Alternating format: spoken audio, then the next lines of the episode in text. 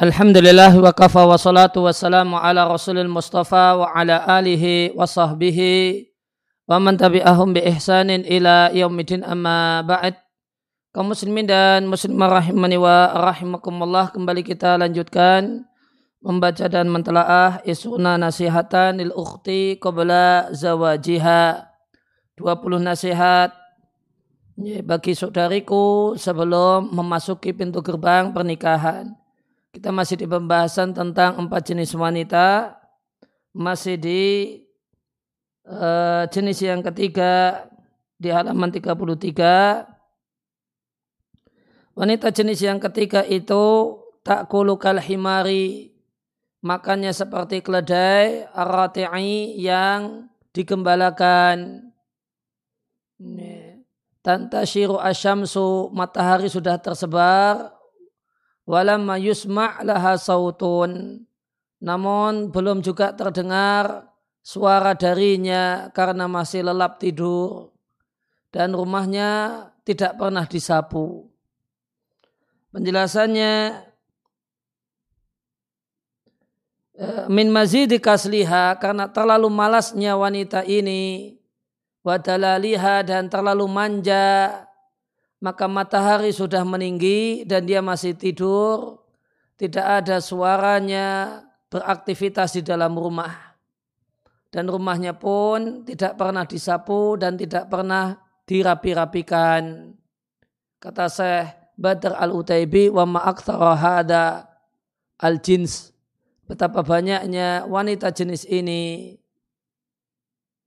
Maka dalam kalimat ini terdapat isyarat bididib dengan melihat kebalikannya isyarat karakter atau sifat wanita atau istri yang sempurna.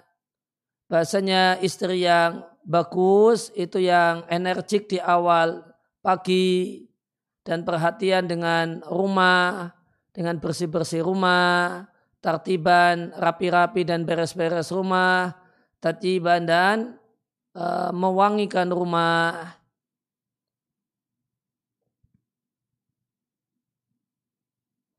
Kemudian kembali ke atas, to'amuha makanannya itu baitun melalui waktu malam dan wadahnya itu kotor. Wa ajinuha dan eh, adonan rotinya itu hamidun masam wa ma'uha fatirun dan airnya air yang fatir.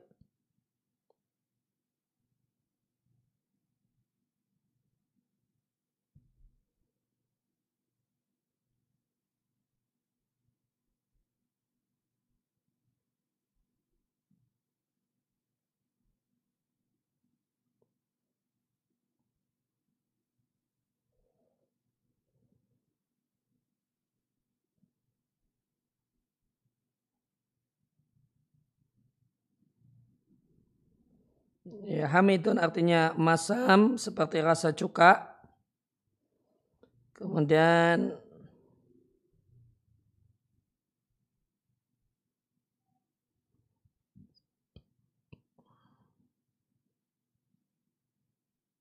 air yang fatir mungkin maknanya hangat. Hmm.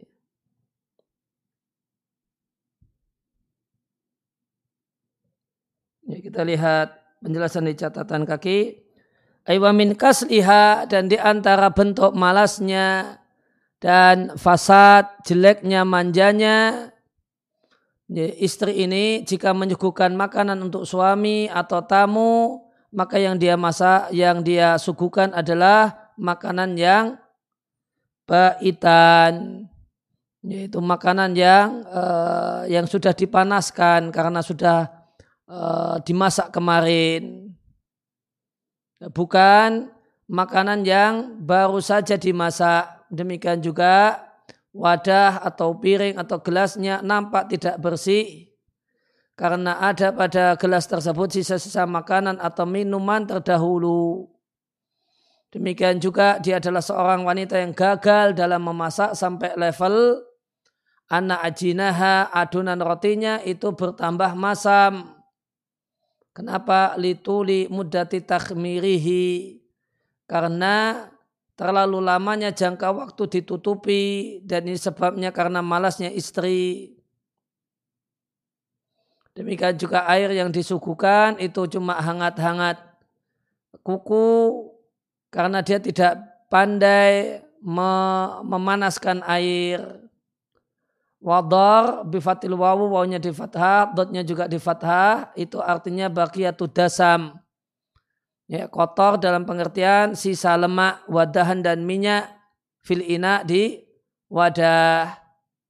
Sedangkan kalau dotnya di kasar wadir, itu artinya bersifat kotor. Kemudian selanjutnya di atas barang-barangnya ditanam, masru'un, wa ma'unuha mamnu'un, dan barang-barangnya barang-barang kecil-kecilnya tidak boleh dipinjam pelayannya dipukuli tetangganya mahrubun diperangi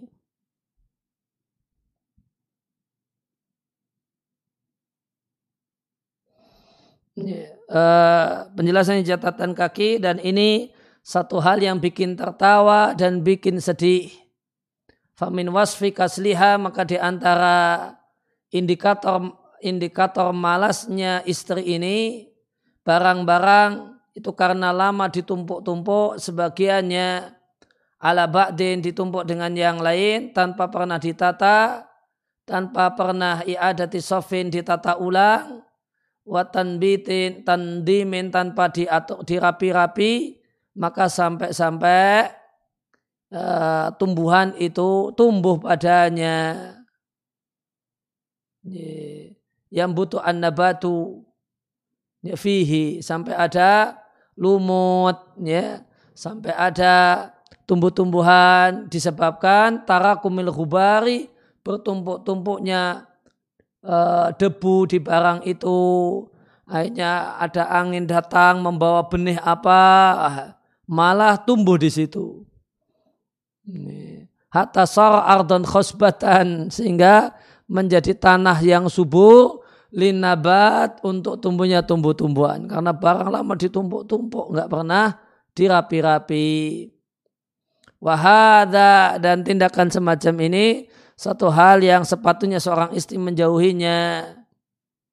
Sehingga seorang istri itu hendaknya secara periodik tamur ala kuli atrafi baitiha. Melewati semua ujung-ujung uh, ujung-ujung rumahnya tartiban untuk nata-nata, watandifan bersih-bersih, watajiban dan supaya wangi. Dan indikator indikator paling mudah penghuni rumah itu rajin bersih-bersih ataukah tidak itu lihat ini ada ini, rumah laba-laba ataukah tidak. Ini, jika ada rumah laba-laba di rumah di satu rumah ini indikator penghuninya malas bersih-bersih. Dan karena uh, bersih-bersih rumah, isi rumah, penataan rumah itu tanggung jawab istri, ah ini koordinatornya yang koordinatornya yang bermasalah. Ya, maka silakan misalnya dicek di apa kaca ruang tamu ada di situ ada sarang laba-labanya ataukah tidak? Jika ada banyak, nah sudah, maka bisa diketahui ya, kualitas koordinator bagian bersih-bersih rumah. Karena bersih-bersih ya tidak harus hanya istri yang melakukan. Suami bisa melakukan, namun hendaknya istri yang mengkoordinir apa yuk ini ngepel-ngepel, bersih-bersih, Ya, dia mestinya punya program. Nah, kalau dia tidak, ya, ya maka dia manage rumahnya dengan kemalasan dan bukan dengan uh, program yang jelas. Kemudian tadi pelayannya dipukuli, tetangganya diperangi. Artinya wanita ini bukanlah wanita yang bisa bermasyarakat dengan tetangga, kerjasama dengan tetangga, menolong dan membantu tetangga, waktu krim dan atau uh, memuliakan tetangga, watatafadol dan berbuat baik kepada tetangga. Ya, itu penjelasan untuk barang-barangnya itu terlarang. Jadi ada tetangga mau pinjam ember nggak boleh, mau pinjam sepak uh, sapu juga nggak bisa, pelit ya. Nggak mau menolong tetangganya. Kemudian tentang uh, pembantunya dipukuli, tetangganya diperangi, itu semua disebabkan kegagalan dia dalam kehidupan rumah tangga karena demikian jeleknya manjanya. Manjanya manja yang jelek hatta tasababat sehingga menyebabkan uh, hal yang negatif terjadi pada tetangga dan tidak disukai tetangga.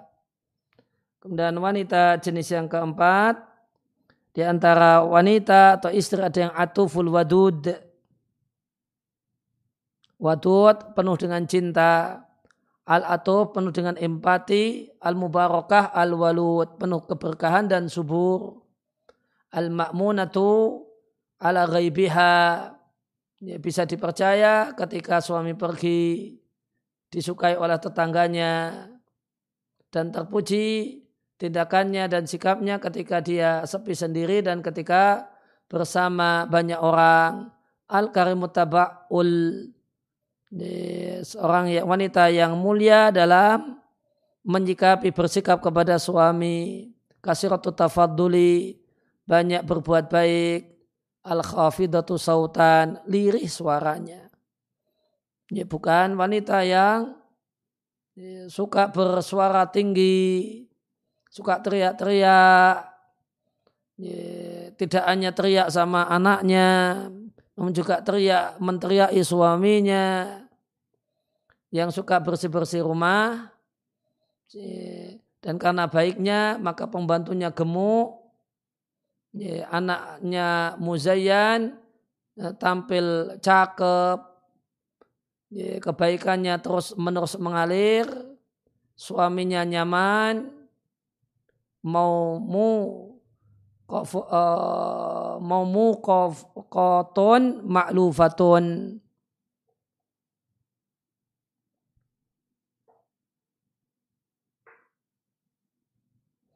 Eh, dia adalah wanita yang maklufatun bisa diakrabi eh, bisa diakrabi.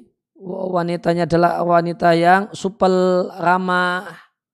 Wabil afafil khairat dengan kehormatan dan kebaikan mausufatun menjadi sifatnya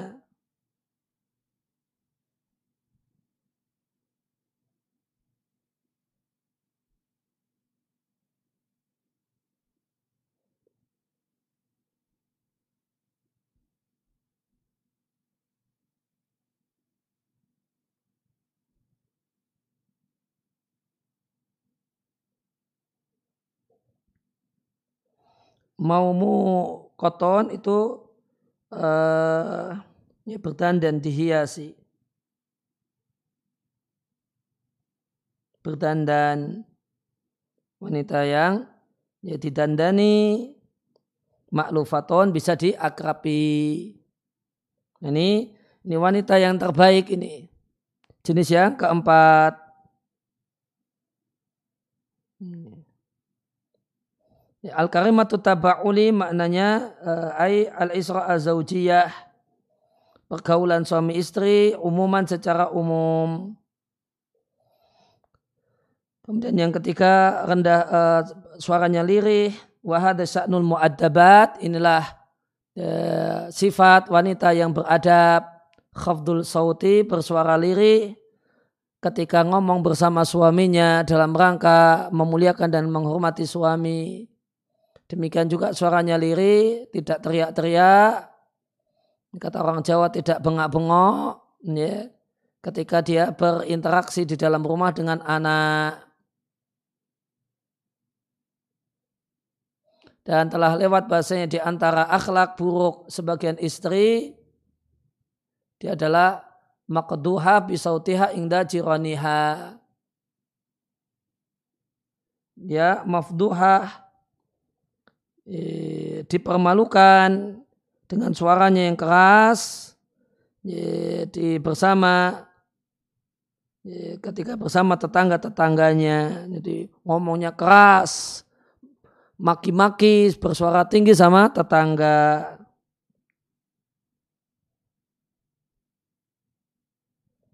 Kemudian pembantunya gemuk, artinya karena kedermawanannya dan besarnya pelayanannya dan bagusnya dan bagusnya masakannya, maka jadilah te, e, pembantu itu pun jadi gemuk.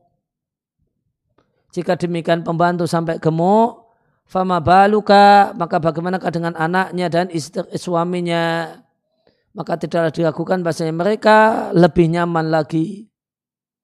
Kemudian anaknya itu terlihat cakep didandani dan bersihnya anak itu tanda bersihnya ibu. Artinya wanita ini, istri ini, ibu ini selalu perhatian dengan kebersihan badan dan pakaian. Dan yang lebih penting dari itu adalah kebersihan batin dengan mendidik anak agar memiliki adab dan akhlak yang unggul dan perkataan yang bersih bukan perkataan yang jelek, perkataan yang penuh dengan adab. Ya, maka ini nasihat dari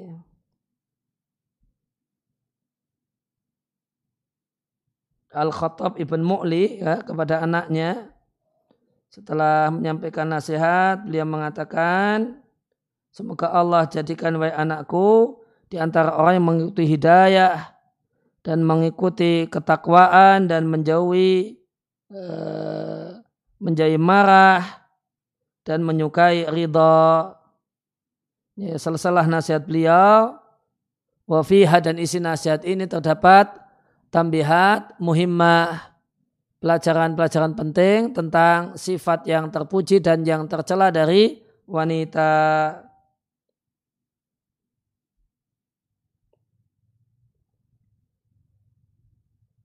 Kemudian kita tambahkan sedikit nasihat yang keempat.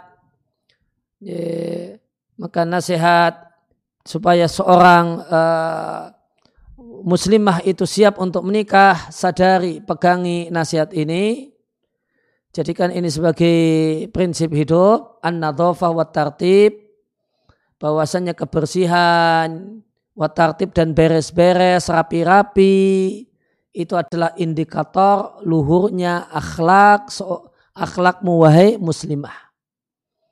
Ya, maka hendaknya seorang wanita itu terkenal suka rapi-rapi, Jangan malas untuk beres-beres. Juga terkenal sebagai seorang yang e, memperhatian dengan kebersihan. Dan yang dimaksud dengan kebersihan di sini kebersihan lahir dan batin. Dan kebersihan batin, hati dan adab dan akhlak itu lebih penting dan lebih mulia. Maka jadilah maka jadikan hatimu hati yang bersih dari segala macam karakter yang jelek, minal ghil wal hasad ya, semisal ghil ya, ya, wal hasad dan hasad hasad uh, iri dengki wadoghinah ganjalan hati wal hakad dan dendam keinginan untuk menipu dan khidak dan menipu. Kemudian ini kaidah penting dalam membaca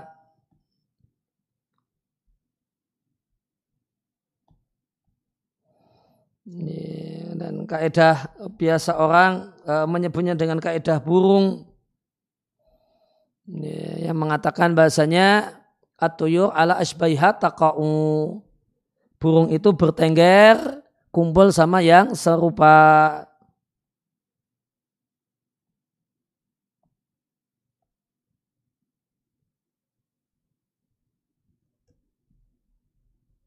Maka merpati tidak mungkin bertengger bareng dengan elang.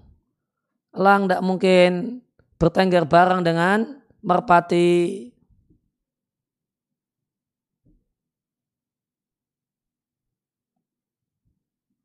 Ini kaidah burung orang bilang. Watuyur ala asbaiha takau. Takau di sini artinya bertengger. Wal arwah dan jiwa itu mencocok uh, itu saling bercocokan sebagaimana bercocokannya badan, pikiran, warna kulit dan jenis. Uh, dalil kaidah yang orang sebut dengan kaidah burung ini Wakat soha dan sahih dari Nabi Shallallahu Alaihi Wasallam Nabi katakan arwah itu seperti tentara yang sudah tertata rapi yang saling ta'arofa yang saling kenal jiwanya maka iktalafa maka akan menyatu. Wa matanakara jika tidak saling kenal ikhtalafa akan berbeda. Maka semisal apa yang engkau sembunyikan dari suamimu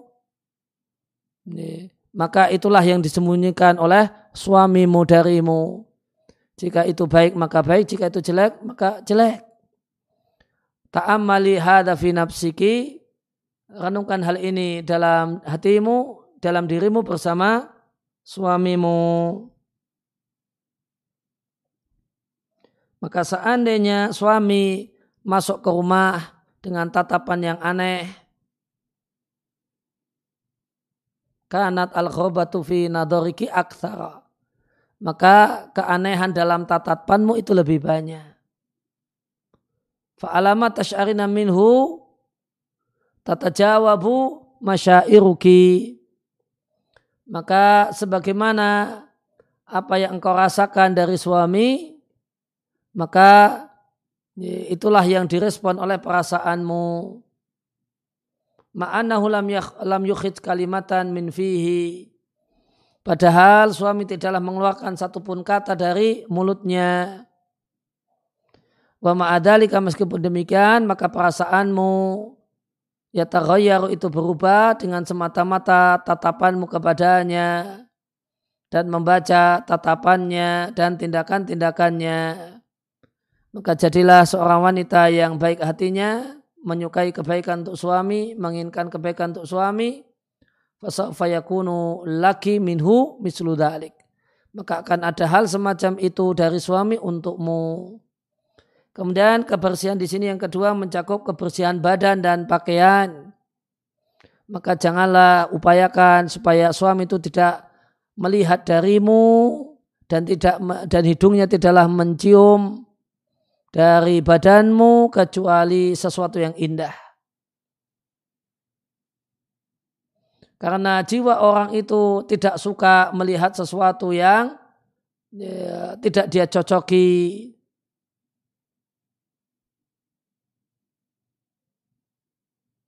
Umpama boleh jadi suami tidak suka satu jenis makanan. Dia telah menyicipinya dan rasanya pahit. Atau dia cium darinya bau yang tidak sedap meskipun sekali. Walihada oleh karena itu ya, A'anaka syari syariat A'anaki syariat membantumu untuk perhatian dengan hal ini sehingga Nabi melarang seorang suami untuk yatruku datang malam-malam, lailan di malam hari jika pulang dari safar. Babaroro dari kata Nabi membenarkan hal tersebut, memberikan alasan pembenar hal itu agar wanita yang rambutnya acak-acakan memungkinkan untuk bersisir. Dan wanita yang lama ditinggal pergi oleh suami sehingga tidak peduli dengan fisiknya bisa istihdad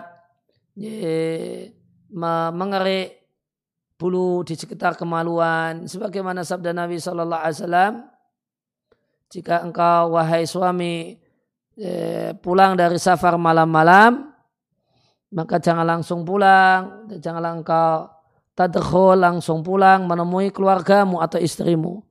Sampai wanita yang lama ditinggal pergi itu memiliki kesempatan untuk istihdad membersihkan bulu kemaluan dan wanita yang rambutnya acak-acak-acakan berkesempatan untuk menyisir rambut.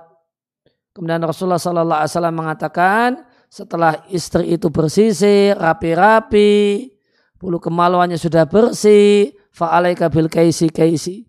Setubui istrimu, setubui istrimu.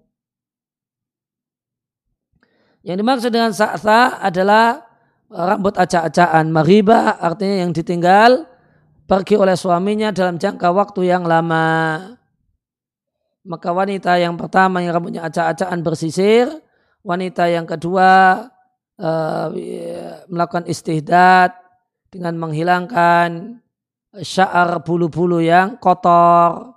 Di antaranya adalah bulu, terutama bulu kemaluan, yang lainnya adalah bulu ketiak. Semua itu dalam rangka menjaga agar suami hanya melihat dari istrinya bentuk yang paling sempurna dan paling indah Nah seperti itu bukan hanya nyambut suami pulang dari safar, namun kuni kadaliki visa iri ahwaliki. Hendaklah engkau wahai muslimah jadi seperti itu dalam setiap waktu dan kesempatan. Maka jika sampai kepadamu berita kedatangan suami, siap-siap untuknya dengan siap-siap yang paling sempurna sehingga ya, engkau tampil dengan sesuatu yang mayusiri nadiruhu akan menyenangkan uh, orang yang melihatnya ketika suami melihatmu khosotan terutama sudah ketika sudah lama pergi karena wasafar dan safar Watak mulu al adab dan adab itu akan sempurna dan pergaulan yang baik darimu itu sempurna jika sambutanmu kepada suamimu lebih dahsyat daripada sambutan orang-orang yang dermawan kepada tamunya. Maka antusiaslah untuk menyambut suami di depan pintu saat awal masuknya dia ke rumah. Sambut. Kedatangannya bitarhib dengan ucapan selamat datang, wal dan pelukan dan ciuman cuman rasa cinta dan hormat, rasa cinta wal gharam dan cinta. Ya, kalau musim corona ya suami biar bersih-bersih dulu, cuci tangan, ganti baju atau mandi. Ya, setelah selesai mandi sambut suami. Selamat datang suamiku. Ya, kalau anak-anak udah tidur ya, sambil kemudian aku rindu padamu, aku cinta, dipeluk, uh, diciumi gitu kelihatan kalau kangen dan dalam kondisi demikian suami hendaknya membalas, merespon, jangan cuma diem saja. Balas ganti peluk yang hangat, yang erat, ciuman rindu gitu. Fa'ina hada karena sikap hal ini pulang dari safar disanggup disambut dengan hangat, ada ciuman, ada pelukan. Ini akan mendorong suamimu untuk untuk ta'aluk uh, ta'aluqihi biki. Supaya suamimu itu ya, kalau terjemah telaknya tergantung pada dirimu. Ya, mbak. Ya terjemah bebasnya ini lebih mendorong suami untuk betul-betul jatuh cinta dan tergila-gila dengan dirimu karena demikian bagusnya adabmu menyambut adabmu wahai seorang istri ketika menyambut suami pulang dan dia akan semakin sadar dan mengetahui hakmu. Hakmu seorang istri. Wayak mulu dan tambah sempurna. Husnu daukuki rasamu itu bagus jika engkau bawakan apa yang ada di tangannya. Boleh jadi kertas min hakibatil amal. Amba, tas kerjanya, atau aradul bait atau ketika dia pulang sambil bawa barang-barang keperluan rumah maka arad barang-barang keperluan rumah wa yatumu adabuki wa husnu asratiki dan sempurnalah adabmu dan demikianlah bagusnya pergaulanmu jika engkau bantu suamimu untuk melepas pakaiannya dia misalnya pakai jaket maka lepas jaketnya Lepas sambut, menyambut itu dengan melepas jaketnya, kemudian menggantungnya, dan menyiapkan pakaian rumah untuknya. Telah disiapkan ini celana dalamnya, celananya, atau baju rumahannya untuk mandinya. Karena dia pulang safar.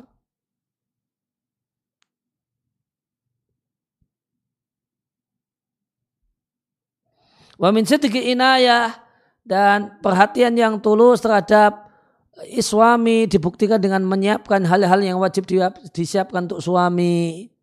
Suami pulang dari safar, maka min fatihi jamuan, berupa makanan dan minuman. Disiapkan dan dirapikan uh, kamar tidurnya, wahamamihi, uh, kamar mandinya, ma'a jamilil mandori. Ditambah istri itu dalam keadaan pemandangan yang indah istrinya terlihat rapi dan cantik, rapi, bersih, wangi dan cantik. Wadaki hati dan bau yang bau yang ya yang sedap. Ini. Nah, ini uh, wahada yakunu Demikian juga kebersihan di sini mencakup nadhofa manziliyah kebersihan rumah yang tidak layak wanita berakal untuk meremehkannya. Maka tidak janganlah berlalu bagimu satu hari kecuali anda wahai istri fi bait di rumah itu saulat wa jaulat mutar-mutar.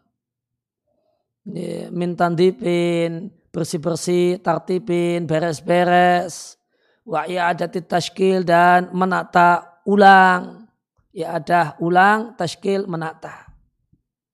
Faminal mamkuti fitibai maka satu hal yang dibenci oleh jiwa ihmalul mata.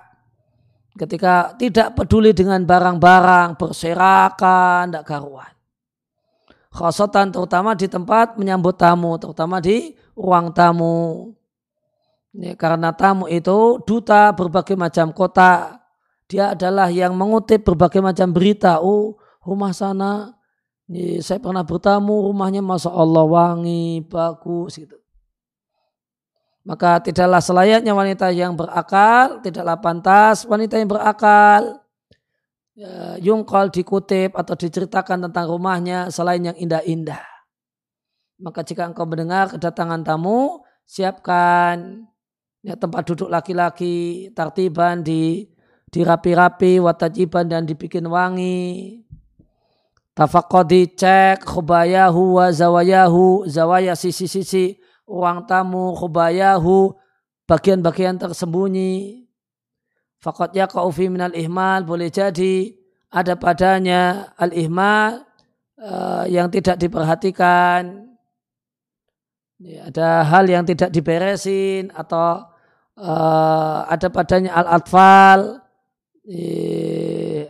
kelakuan anak-anak yang mata itu malu untuk memandanginya. Walabib dan orang yang cerdas dengan isyarat sudah paham apa yang semestinya dilakukan. Ya, maka dua kata kunci ini. Istri yang baik, istri yang disayang oleh suami, yang dicintai oleh anggota keluarga punya dua hal ini. Istri yang perhatian dengan kebersihan, kebersihan dirinya, kebersihan rumah, kemudian tertib, rapi-rapi, beres-beres, nata-nata. Ya, jangan malas dalam dua hal ini. Jangan malas dengan kebersihan. Sehingga ya, sehari tidak mandi atau dengan alasan jamak ya, mandi dua eh, harusnya mandi pagi dan sore cuma sekali atau malah dijamak lagi dua hari mandi sekali. Tidak nah, demikian semestinya seorang istri yang baik. Namun rajin mandi, istri yang baik rajin mandi. Tidak cukup hanya sehari dua kali. Namun habis masak-masak, eh, mandi. Habis beres-beres, berkeringat, mandi. Ya, dan mandi tidak harus lama-lama. Yang penting mandi menghilangkan bau keringat dari badan, tidak kemudian dipeluk suami baunya keringat. Nih, gitu. Nih. Demikian juga kebersihan rumah. Nih, kebersihan rumah. Ingat bahasanya indikator ini penghuni rumahnya malas dan tidak ada rumah laba-laba di rumah itu ataukah tidak. Nih, di sudut-sudut lemari, di jendela gitu. Kalau tidak ada, oh ini masa Allah luar biasa rajinnya. Ya, demikian juga rapi-rapi dan beres-beres. Ya, dua hal ini wanita istri yang baik harus rajin. Ya, tidak boleh pemalas dalam dua hal ini. Demikian wasallallahu ala nabiyina Muhammadin wa ala alihi washabihi wasallam wa ruda'ana alhamdulillahi rabbil alamin subhanakallahumma wa bihamdika asyhadu an la ilaha illa anta astaghfiruka wa atubu ilaik.